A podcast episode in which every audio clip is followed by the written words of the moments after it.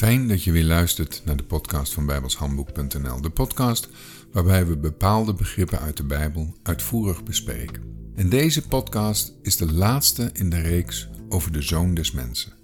Jezus van Nazareth, de Zoon des Mensen. Niks niet God in een vermomming. Gewoon de mens Jezus van Nazareth, gezonden in gelijkheid des zondige vleeses. Dat betekent niet dat hij een zondig mens was. Onze nieuwe mens, onze nieuwe natuur, woont immers ook in zondig vlees. Maar het zondigt niet, volgens 1 Johannes 3, vers 9. De Heer Jezus is voor ons tot zonde gemaakt. Ik lees 2 Korinthe 5, vers 21.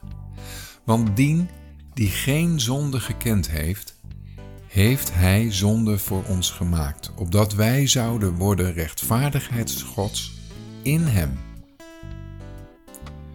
Hij heeft onze zonde gedragen. De Heer Jezus deed dat niet omdat Hij de enige was die dat kon. Je weet wel, omdat Hij tegelijk God zou zijn. Nee, Hij deed dat omdat Hij het recht had om het te doen. De Heer Jezus kon dat doen omdat hij de zoon des mensen was. Hij was de erfgenaam en had het recht om te lossen. Gelukkig heeft hij van dat recht gebruik gemaakt. Filippenzen 2 vers 8 En in gedaante gevonden als een mens heeft hij zichzelf vernederd, gehoorzaam geworden zijnde tot den dood, ja den dood des kruises. Het was allemaal niet zo vanzelfsprekend dat de Heer Jezus ook tot het einde toe zou volhouden. Natuurlijk kon hij zondigen, anders had de Satan hem niet verzocht. En op ieder moment kon hij zeggen: Het spijt me, maar ik bedank voor de eer, het wordt me allemaal te veel. En terecht. De enige reden waarom hij volgehouden heeft, is dat hij geloofd heeft dat God hem uit de doden kon opwekken. Hebreeën 5, vers 7 en 8. Die in de dagen zijns vleeses gebeden en smekingen tot degene die hem uit de dood kon verlossen, en sterke roeping en tranen geofferd hebbende, en verhoord zijnde uit de vrezen.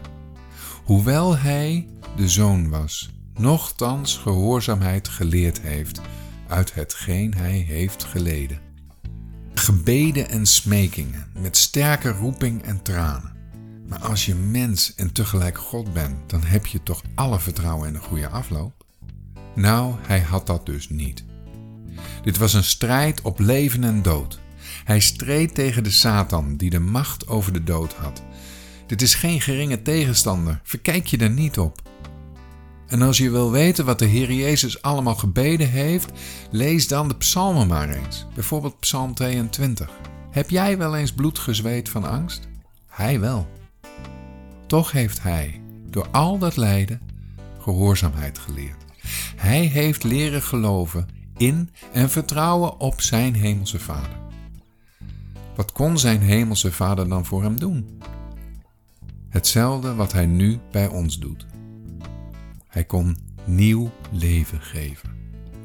En zoals dat bij ons gegaan is, zo ging dat ook bij de Heer Jezus. Hij kon dat nieuwe leven alleen krijgen op grond van geloof. Door dat geloof heeft hij de kop van de slang vermorzeld en daarmee de dood overwonnen. Door dat geloof is hij uit de doden opgestaan. Door dat geloof is hij niet alleen de zoon des mensen, maar ook de zoon van God.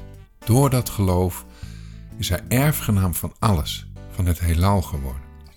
Door dat geloof zit hij nu aan de rechterhand van God. Door dat geloof zijn wij behouden. En door dat geloof zijn wij mede-erfgenamen met Christus.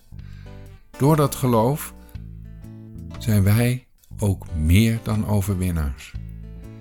Heere Jezus, dank u wel.